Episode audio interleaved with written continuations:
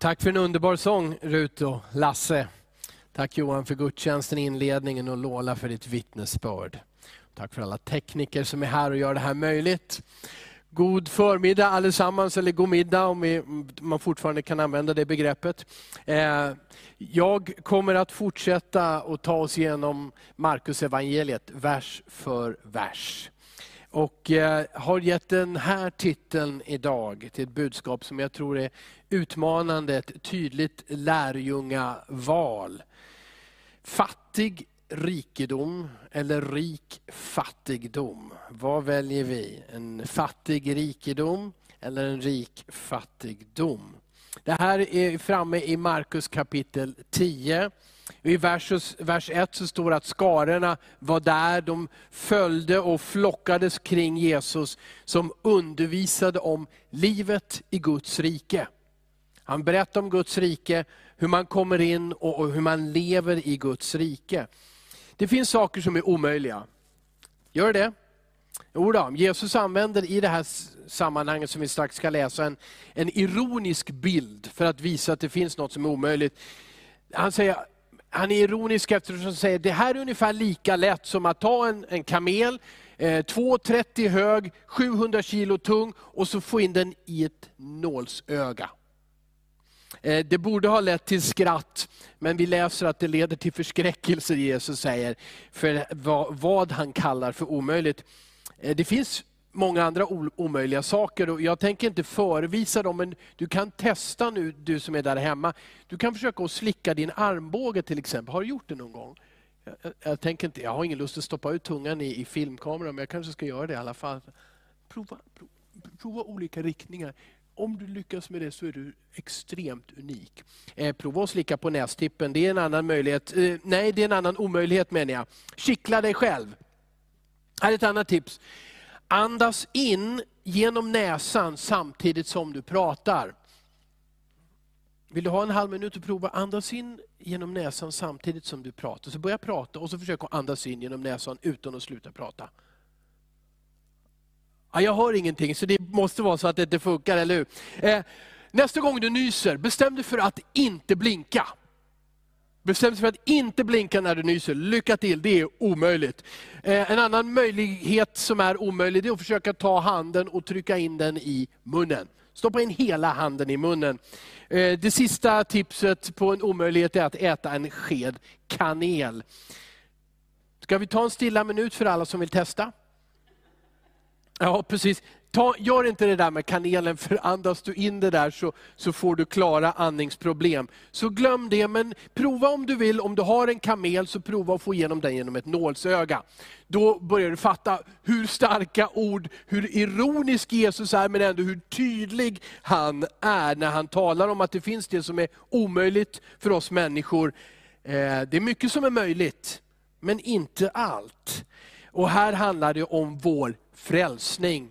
Att bli räddad, att komma in i Guds rike, det är omöjligt för oss på egen hand. Som en kamel genom ett nålsöga, som en hand in i munnen eller kanel, en sked kanel. Eh, men med Gud är det annorlunda. Och Det är det som Jesus säger här i Markus 10. Medan ni slår upp Markus kapitel 10, vers 23, så slänga in ett citat från början på Lukas evangeliet där ängeln säger till Maria, innan hon hade blivit med barn med Jesus, ingenting är omöjligt för Gud. Ingenting är omöjligt. Och Det är det som också kommer i den här texten.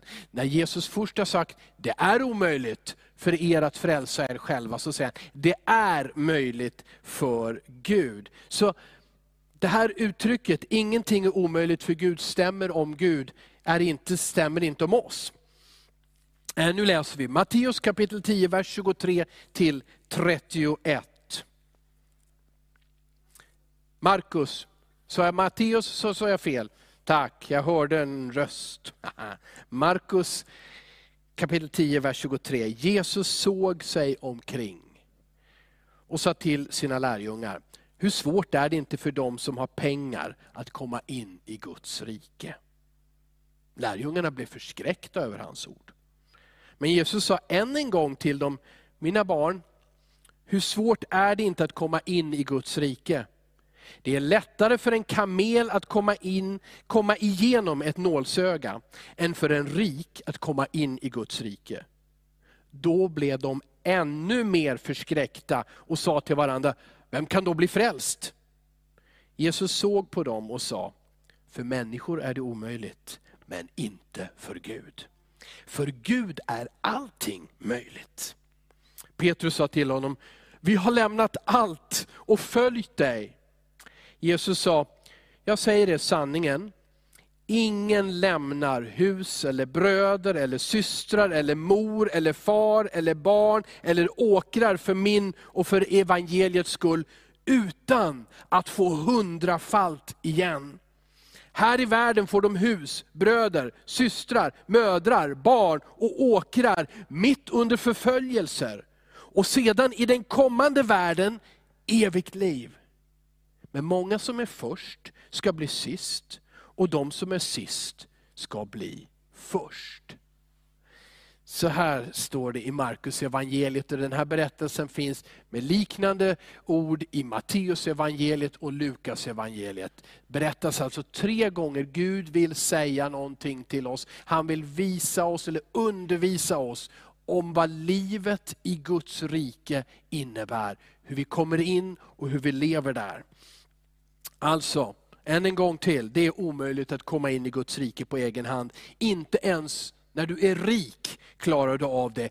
Inte ens när du är till synes välsignad och framgångsrik. Och Det här ger den här förskräckta reaktionen hos lärjungarna. Alltså, om den här unge, rike mannen, som finns i berättelsen precis innan, om han inte klarar det, hur, vem kan då överhuvudtaget bli räddad från Guds vredesdom? Lönar det sig att följa Jesus om inte ens en ung, framgångsrik, from, religiös synagogföreståndare kommer in i Guds rike. Det här är verserna alldeles innan, vers 17-22, berättelsen om den här unge mannen som ställer livets viktigaste fråga. Han är angelägen, han kommer springande till Jesus. Han är ödmjuk, han böjer sig ner inför Jesus.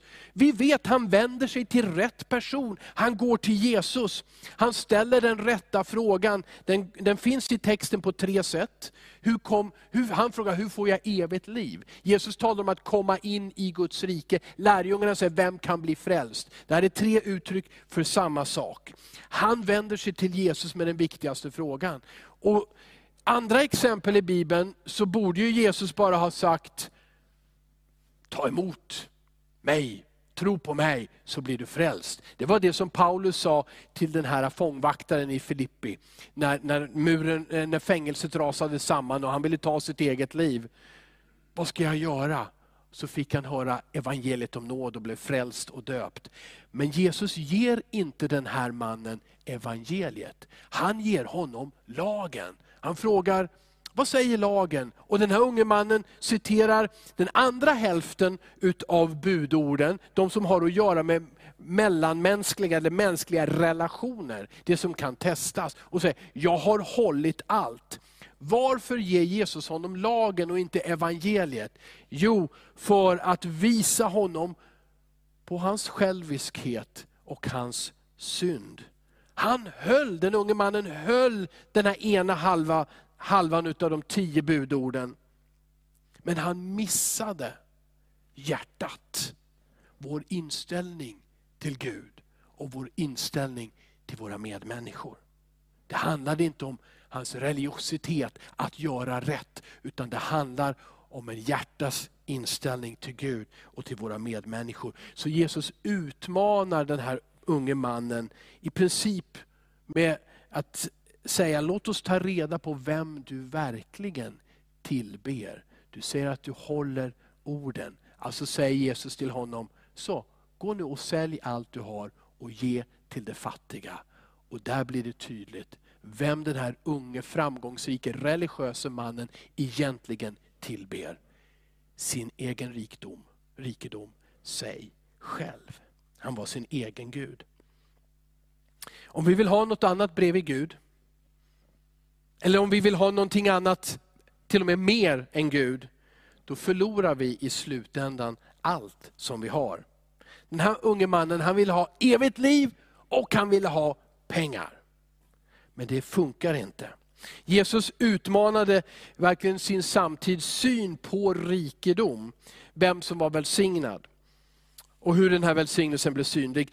Han, den här berättelsen är egentligen en utläggning av väldigt tydliga ord i Markus 8 och 35 och vers 36. Där Jesus sa, den som vill rädda sitt liv ska mista det. Men den som mister sitt liv för min och för evangeliets skull ska rädda det. För vad hjälper det en människa om hon vinner hela världen, men förlorar sin själ? Den unge mannen hade allt, men till detta ville han också lägga det eviga livet, utan att släppa allt. Och Det står att han vände sig bort bedrövad och gick därifrån, för han var mycket rik. Detta allt som han hade och kände och hade förtjänat, det var så viktigt att han ville hålla fast vid det. Och han släppte sökandet efter det eviga.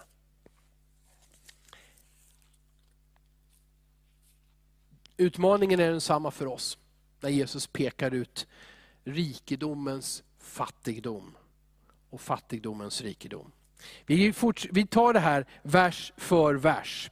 Men den första, första punkten då, då det är, den handlar om den jordiska rikedomens fattigdom. Det ser ut som rikedom, men är fattigdom. Vi läste att det många människor var samlade, och det stod i vers 23 att Jesus såg sig omkring. Skarorna var där. Nu visste han att nu kommer jag säga någonting som för deras synsätt är totalt omvänt. Det är chockerande. Det står att han såg sig omkring på människorna som var där. Och så sa han, hur svårt är det inte för dem som har pengar att komma in i Guds rike? Och människor blev chockade. Men varför skulle det här vara så svårt? Det är, det är inte Guds nåd som saknas. Utan vad är det med rikedomen? Ja, det här är lite känslomässiga skäl kanske, men det handlar om vår ovilja att skilja oss från rikedom. Vår ovilja att skilja oss från, från falsk trygghet som vi har i pengar eller i vår egen förmåga. Jag har klarat det här. Det står i Matteus 6 och 21 att Jesus sa så här. Matteus 6 och 21. För där din skatt är, där kommer också ditt hjärta att vara. Matteus 6 och 21. En falsk trygghet, pengarna leder vårt hjärta, hela våra tankar, vår inställning till någonting som inte är hållbart. När du går över floden går du ensam, sjöngs på 70-talet i svensk radio. För det är, och det är det som Jesus säger, du kan inte ta med dig någonting när du lämnar det här livet. Det är på andra sätt, vad är det annars som är så svårt med just att vara rik? Jo, det är det tar, rikedom tar bort behovet av att söka efter resurser som man själv inte besitter, som man själv inte har. Att vända sig till någon, jag klarar det här, jag har vad jag behöver. Det är svårt för en rike att komma in i Guds rike eftersom lite vill ha mer. Har jag fått lite grann så är jag inte nöjd, jag vill ha mer. Men Bibeln avslöjar att kärleken till pengar är roten till allt ont. Och Pengabegäret leder i, själv, i, i slutändan till själviskhet, till självbekräftelse, se mig, hur rik jag är, hur fin jag är, till fåfänga. Det finns en väldigt utmanande berättelse i Lukas 16 om en rik man som hade en mycket fattig granne, ja, en tiggare vid hans port som hette Lazarus och som han ignorerade. Men vi tar den berättelsen vid ett annat tillfälle. Men Jesus är väldigt tydlig med hur svårt rikedomen gör det för en människa att komma in i Guds rike. Det här var mera känslomässiga skäl. Det finns också kognitiva, ja det som har att göra med, med samtiden, hur judarna uppfattade rikedom. Hur såg man på det? Jo, man såg det så här, en rik människa det är en välsignad människa. En fattig människa, ja det är en förbannad människa. Och så här ses det i många länder jorden kring fortfarande. Ta till exempel detta system med karma. Den som är rik och framgångsrik har varit välsignad och gjort saker rätt tidigt. Men den som är fattig får skylla sig själv, det är hans karma och han, det är hans eget fel. Och Det här synsättet fanns till stor del också i judendomen.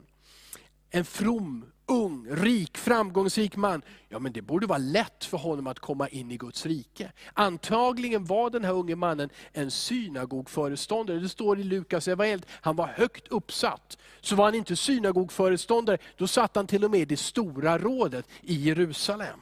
Han var väldigt religiös, troende, framgångsrik i allt han gjorde.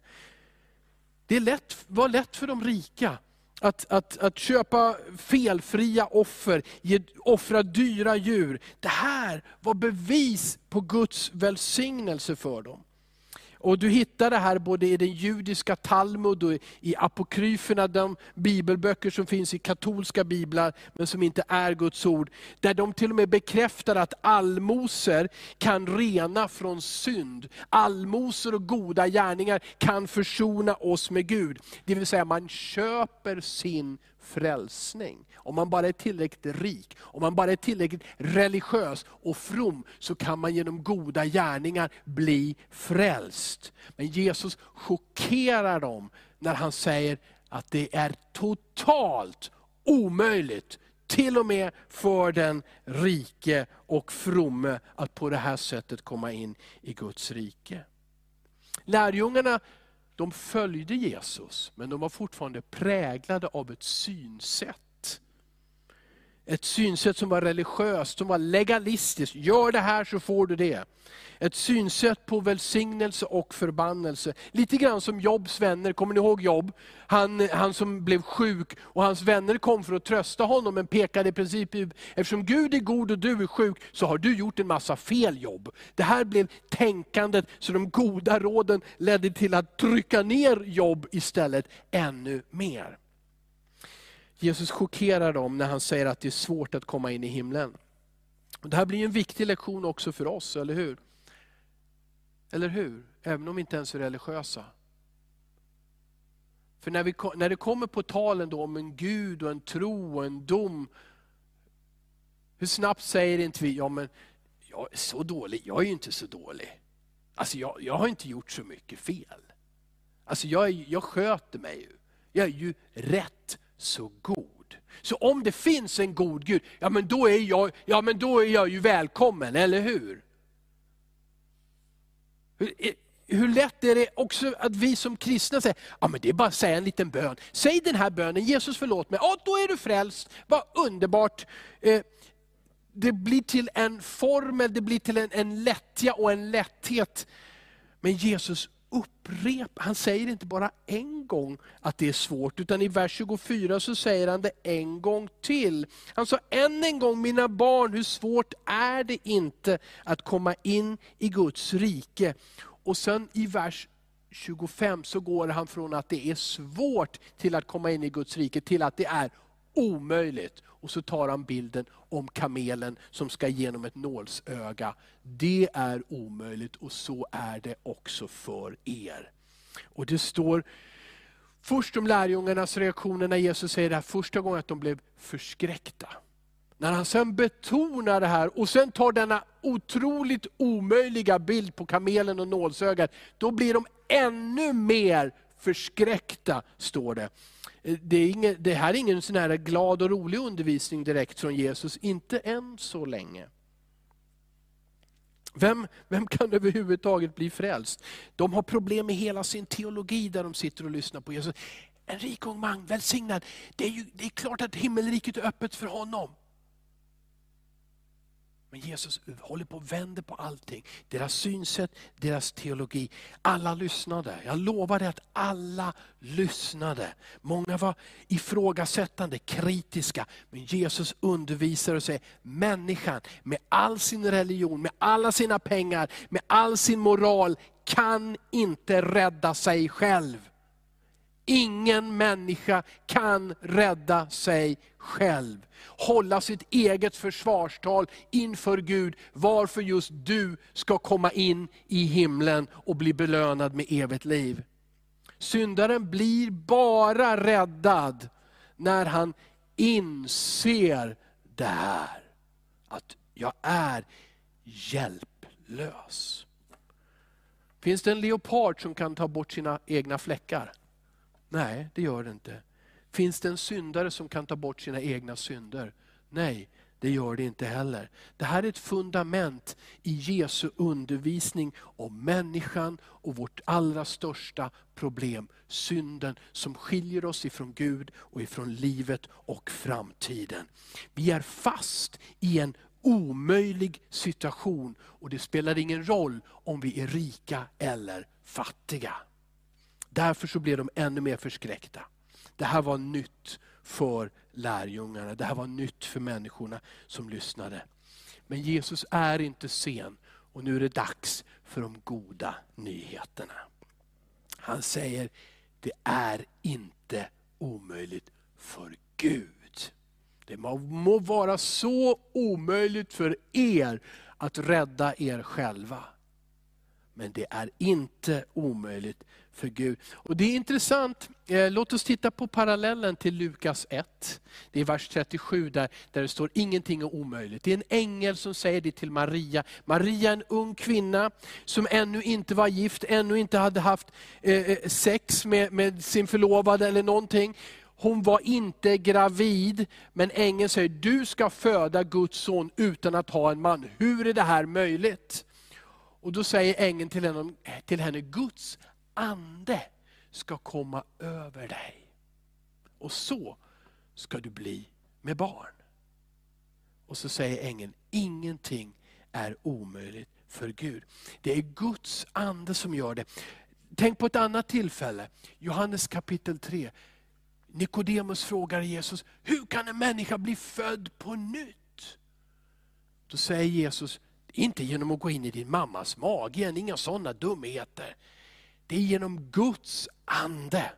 Guds ande kommer över dig, gör ett mirakel i ditt hjärta. Och så föds du på nytt till ett nytt liv, för att kunna leva i Guds rike här och nu och i all evighet. Genom Guds ande som kommer över oss, så blir det möjligt. Vi kan väl ändå läsa Johannes kapitel 1, vers 12 och 13. Där det här i inledningen av Johannes evangeliet är mycket tydligt. Johannes 1, vers 12. Men åt alla som tog emot honom gav han rätten att bli Guds barn. Åt dem som tror på hans namn. Amen, halleluja. Så fortsätter Johannes att skriva, de är inte födda av blod eller av köttets vilja. Det är alltså så är mamma och pappa som, som vill ha barn och har sex och får ett barn. De är inte födda av det, inte av någon mans vilja, utan av Gud. Det är Gud som föder oss på nytt. Den som tar emot Jesus blir född på nytt in till ett liv i Guds närhet, i Guds rike, nu och i all evighet. Och Det är genom Guds ande som det här gudomliga miraklet sker. Allt som du och jag kan göra, det är att ropa till en Gud som är barmhärtig och nådefull. Det är att ödmjuka oss och bedja till honom. Då blir det omöjliga möjligt. Det här, om det här skulle ske genom din och min vilja, genom din och mina prestationer, goda gärningar, rikedom. Ja, då blir det så som i princip alla världens religioner, filosofiska och politiska system är. Det blir fullt med orättvisa. Vissa människor är mer begåvade, vissa människor är mer utbildade, vissa människor har bättre förutsättningar, vissa människor är rika. Ja, de klarar det. Men Jesus säger nej till det. Ingen har någon chans, men alla får den. Och Galaterbrevet säger, det är, är inte man eller kvinna, jude eller grek, slav eller fri. Alla är ett i Jesus Kristus. Det är för alla. Förstår du hur radikalt det är, även om det är så obekvämt och jobbigt med Jesus, vad han säger, så är det för att ge alla människor samma chans. Samma möjlighet att bli frälsta. Det är omöjligt för varje människa, men det är möjligt för Gud. Och det sker när vi ger vårt ja till Jesus. Då kommer Guds ande, renar oss ifrån all vår synd och ger oss en ny identitet och en trygghet att vi är Guds barn. Jesus påminner i Lukas 18 om en publikan och en farisé. Den farisén tittade på publikanen, ja publikan var ett gammalt ord, det fanns i 1917 års bibelöversättning. Det är väl en sån här skatteindrivare. Farisén tittar och föraktar honom. Ja, jag ger mig tionde, jag ber. Och han bad långa böner, jag är väl ändå rättfärdig. Publikanen, han slog sig för bröstet. Ha nåd, ha nåd med mig, arma syndare. Och Jesus säger, det är den bönen som Gud hör. Inte den självrättfärdige, inte the self-made man, here am I. Utan den som ödmjukt vänder sig till den som kan göra allt möjligt. I Fesebrevet kapitel 2, vers 10. Det här är Paulus, det här är Paulus när han lägger ut Bibelns teologi enkelt och tydligt. Efesierbrevet 2 och 8. Av nåden är ni frälsta genom tron.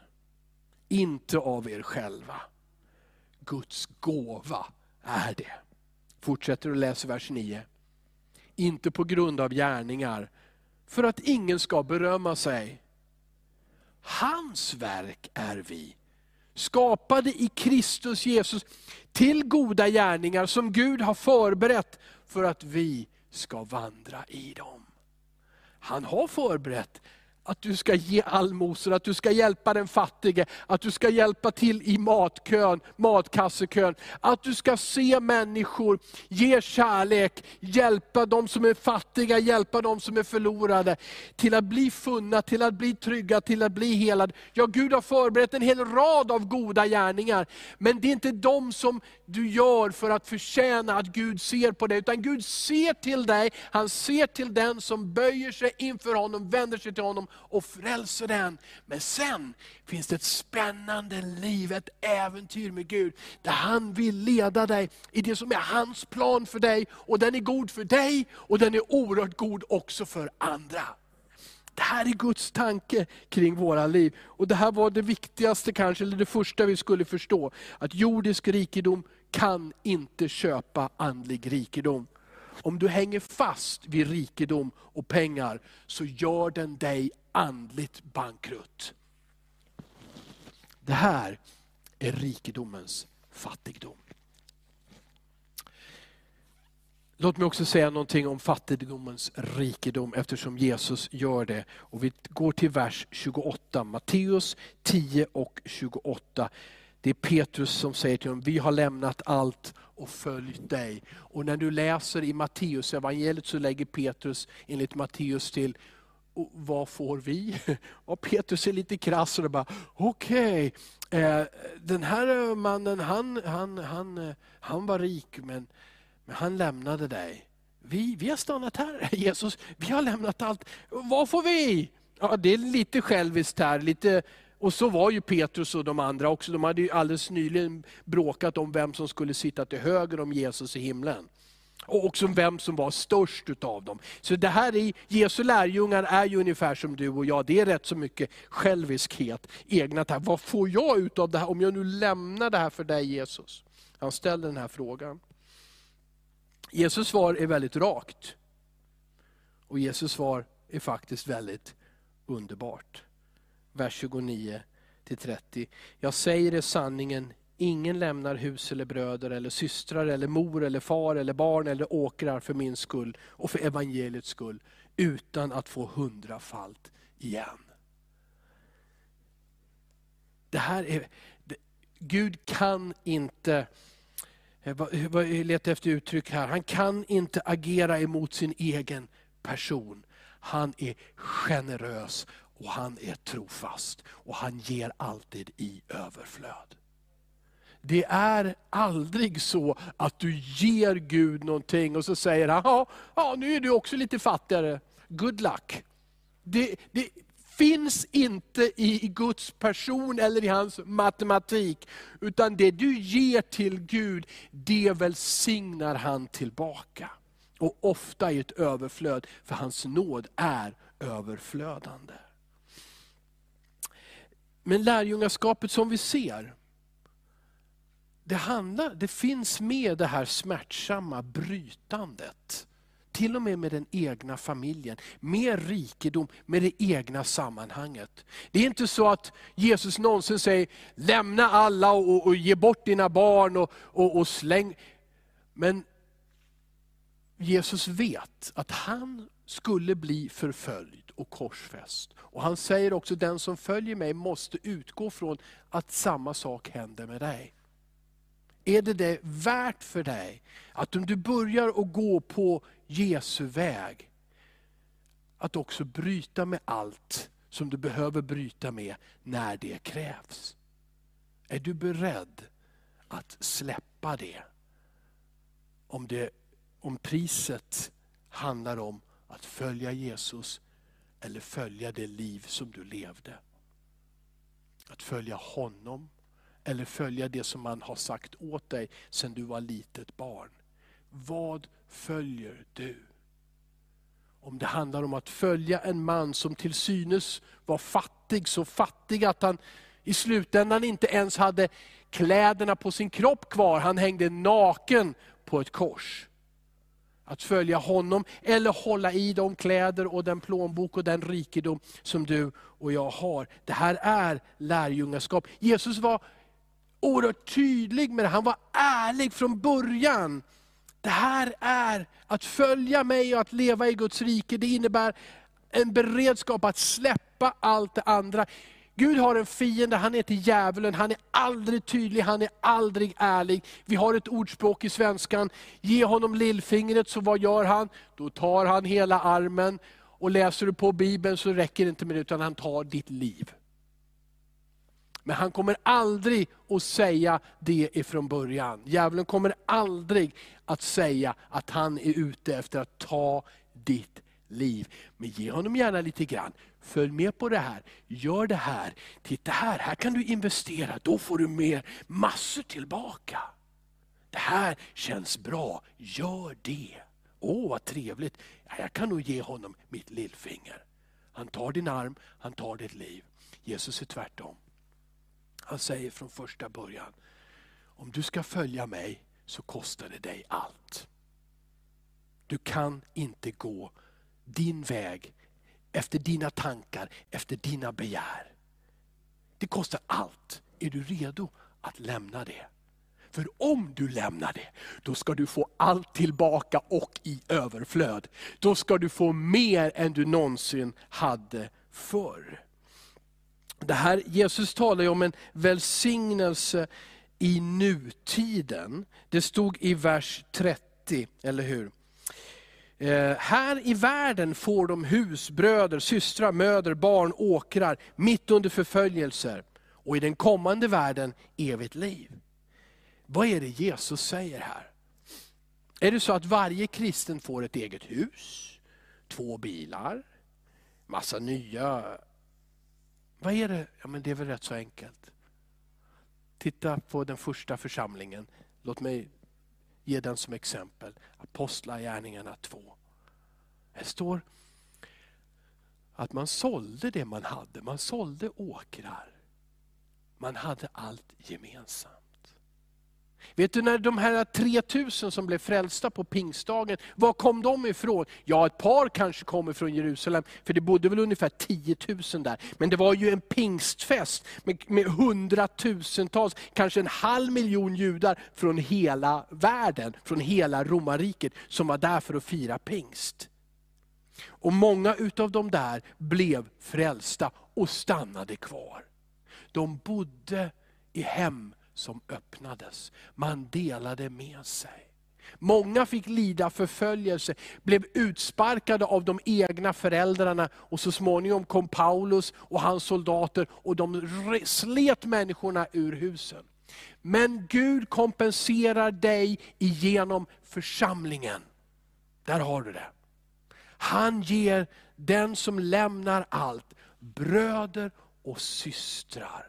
Han ger dig en rikedom som också är materiell.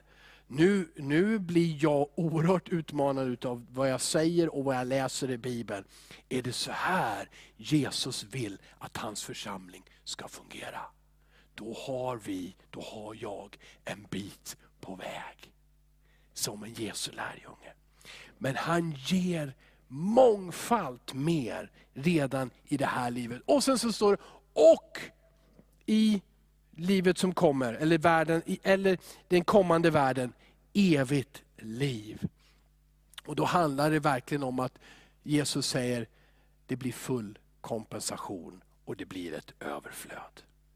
Du tycker att du ger allt, men du får så mycket mer tillbaka. Och så avslutar Jesus med ett sista praktiskt utmanande, varnande ord där han säger, men många som är först ska bli sist och de som är sist ska bli först. Vad betyder det här? Låt mig ge ett kort några olika vinklar. En sak som det absolut betyder är att alla blir lika. Alla får samma lön.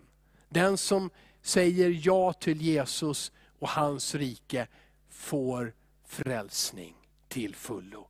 Han skiljer inte ut någon, ja, du blev frälst för, för sent, och du kom därifrån, och du är utav det könet, och du har den bakgrunden. Nej, alla blir frälsta utan tvekan. Alla blir lika inför Gud. Men det menar också, det betyder också det här naturligtvis, att den som menar sig att det här klarar jag nog av. Jag bemästrar livet och det, det sköter sig det där med evigheten också. Den förlorar. Men den som ödmjukar sig vinner. Den som erkänner sin egen litenhet och oförmåga i att rädda sig själv inför evigheten vinner. Det handlar också, kan vi säga, om att det handlar inte bara om att börja bra, utan att sluta bra. En säger, Åh, jag vill tro på Jesus och han är bra, men pengarna är också bra. Och jag skulle också vilja göra det här. Och det här är ett trevligt begär, varför ska jag släppa på det? Det är väl rätt så naturligt. Men det handlar inte bara om att börja bra, och säga kom Jesus och hjälp mig i mitt liv. Utan det handlar om att sluta bra, att ge honom allt. Det betyder att den som vill ärva Guds rike, måste befria sig från stoltheten som så lätt dominerar. Befria sig från illusionen att ja, men jag är okej, okay. jag, jag har rätt, Gud har nog fel. måste befria sig från den illusionen. Vara villiga att, att ge upp självtillräcklighet. Vara beredda att även ge upp familj, nöjen, rikedom, alla avgudar och idoler. Vara villig att bekänna synd. Jag har gått fel väg. Jag har gjort fel. Och villig att uppskatta Jesus mer än allt annat. Han som gav allt för att försona oss med Gud. Är du villig? Ropa till Gud. För hans ande arbetar redan i dig. Han gör det omöjliga möjligt. Maria kunde utan samvaro med en man föda en son som var Guds son, Jesus Kristus. Och alla människor kan bli frälsta som lägger sina liv i Jesu händer. Det här tar Guds ande hand om. Och det här är fattigdomens rikedom. Jag lämnar allt och följer honom och blir rikare än jag någonsin var tidigare.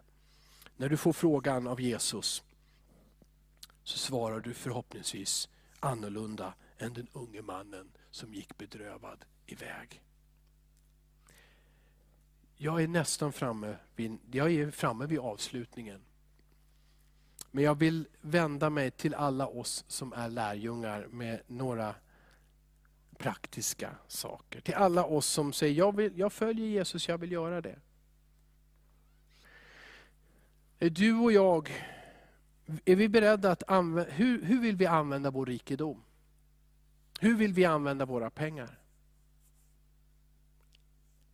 Handlar det om att, ja men jag ger lite grann men nu måste jag först ta hand om min säkerhet och sen kan jag hjälpa lite människor där och så kan jag ge något till församlingen. Handlar det om att bara, när du har någonting över, handlar det om att bara lägga det i säkra investeringar, sånt som ger dig mer pengar tillbaka. Är du och jag villiga att hjälpa en tiggare? Är vi villiga att se och hjälpa en hemlös? En flykting? Statslös? Har vi som kallar oss lärjungar, har vi råd att ignorera den fattige och den utsatte? Eller har vi nåd att se och hjälpa? Har du råd att ignorera eller har du nåd att se och hjälpa? Är vi redo att också skicka våra pengar till andra länder, till, där människor är fattiga, där, där det är krigssituation och vi riskerar att de här pengarna kanske inte når fram. Då vill jag påminna oss om ett exempel från Jesus. Han mötte tio stycken spetälska. Och Jesus var Jesus, han var Guds son. Han visste precis vad som skulle hända.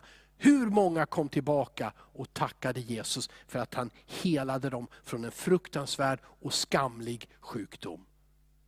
En av tio.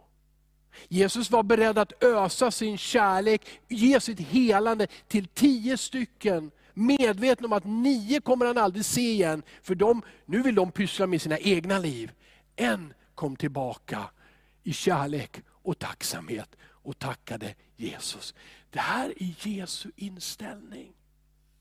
Den är inte alltid vis i människors ögon. Den är passionerad. Den är lidelsefull. Full av medlidande. Ja, till och med om du blir lite lurad utav en och annan. Men för att inte missa den som Gud vill beröra genom din hjälp, genom din tid, genom ditt hem, genom din gåva. Låt mig också ta det här med tionde.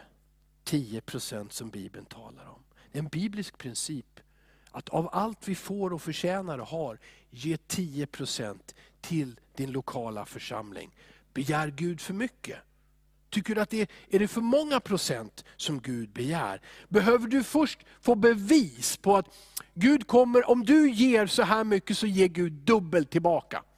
Eller säger du, nej, nej, nej, nej, så är jag inte. Nej, nej. Men jag vill se att det jag ger, det får jag tillbaka. Är du nöjd om du får tillbaka det du har gett? Är det den typen av matematik och sätt att resonera som vi har med Jesus? Om han avstod från allt och han hade inget hem under de tre år som han, han gick och predikade. Och i slutändan, som jag sa tidigare, så tog man till och med kläderna av honom och han var helt naken. Utelämnad. Om han avstod från allt, är vi villiga att ge att samarbeta med Gud. Vi kan lära oss. Vi kan lära oss, men inte om vi håller fast vid det som är vårt, mitt. Det här är för mig. Då kan vi inte lära oss. Är vi redo att ge Jesus rätten till allt? För han vill inte bara ha 10 procent.